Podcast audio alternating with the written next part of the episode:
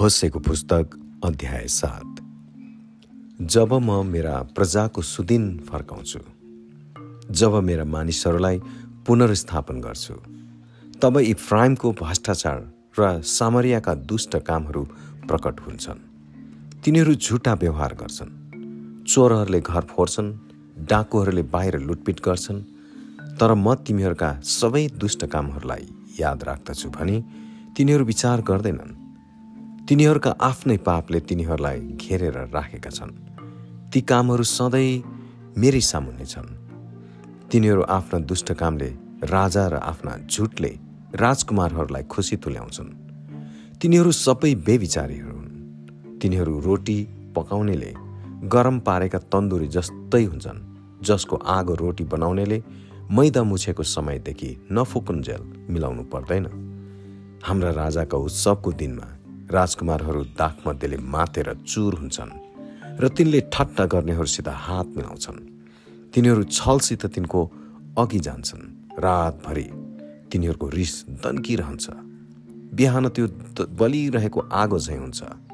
तिनीहरू सबै तन्दुर झैँ तात्तिरहन्छन् तिनीहरूले आफ्ना शासकहरूलाई भस्म पार्छन्। तिनीहरूका सबै राजाहरू मारिन्छन् अनि उनीहरूमध्ये कसैले पनि मेरा पुकार गर्दैनन् एफ्राइम जाति जातिहरूसँग मिसिन्छ। एफ्राइम एकातिर मात्र पाकेको रोटी जस्तै छ। विदेशीहरूले त्यसको बल नाश पार्छन् तर त्यसलाई त्यो थाहा छैन। त्यसका कपालमा फाटफुट फुलेका केस देखिन लागेका छन् तर त्यसलाई त्यो ख्यालै छैन। इजरायलको हटले आफ्नै विरुद्धमा गवाई दिन्छ तर तिनीहरू परमप्रभु आफ्ना परमेश्वरतिर फर्कदैनन् न उहाँको खोजी गर्छन्। एफ्राइम बुद्धि नभएको एउटा ढुक्कुर जस्तै छ। सजिलै छकाउन सकिने र विवेकहीन। अहिले मिश्र देशलाई तिनीहरू पुकार गर्छन्। अलि पछि असुरका तिनीहरू जान्छन्। जब तिनीहरू जान्छन् तब म तिनीहरूमाथि मेरो जाल फिजाउँछु। म तिनीहरूलाई आकाशका पक्षीहरू झैँ तल झार्नेछु। जब तिनीहरू बगालमा उडेका देख्नेछु तब म तिनीहरूलाई पक्रिनेछु।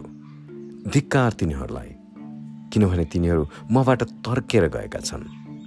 तिनीहरूको सर्वनाश होस् किनकि तिनीहरू मेरो विरुद्धमा बागी भएका छन्। तिनीहरूलाई मोल तिरेर छुट्याउने मेरो चाहना छ तर तिनीहरूले मेरो विरुद्धमा झुट बोल्छन्। तिनीहरू हृदयले मेरो पुकार गर्दैनन् तर आफ्ना ओछ्यानमा विलाप गर्छन्। अन्न र नयाँ दागमध्येका निम्ति तिनीहरू भेला हुन्छन् तर मदेखि भने मुख फर्काउँछन्। मैले तिनीहरूलाई तालिम दिएँ र बलिया बनाएँ तर तिनीहरू मेरो विरुद्धमा षड्यन्त्र गर्छन्। तिनीहरू सर्वोच्चतिर फर्कँदैनन्। तिनीहरू धोका दिने धनु झैँ छन्। तिनीहरूका अगुवाहरू आफ्ना अपमानका वचनले गर्दा तरवारले ढालिनेछन्।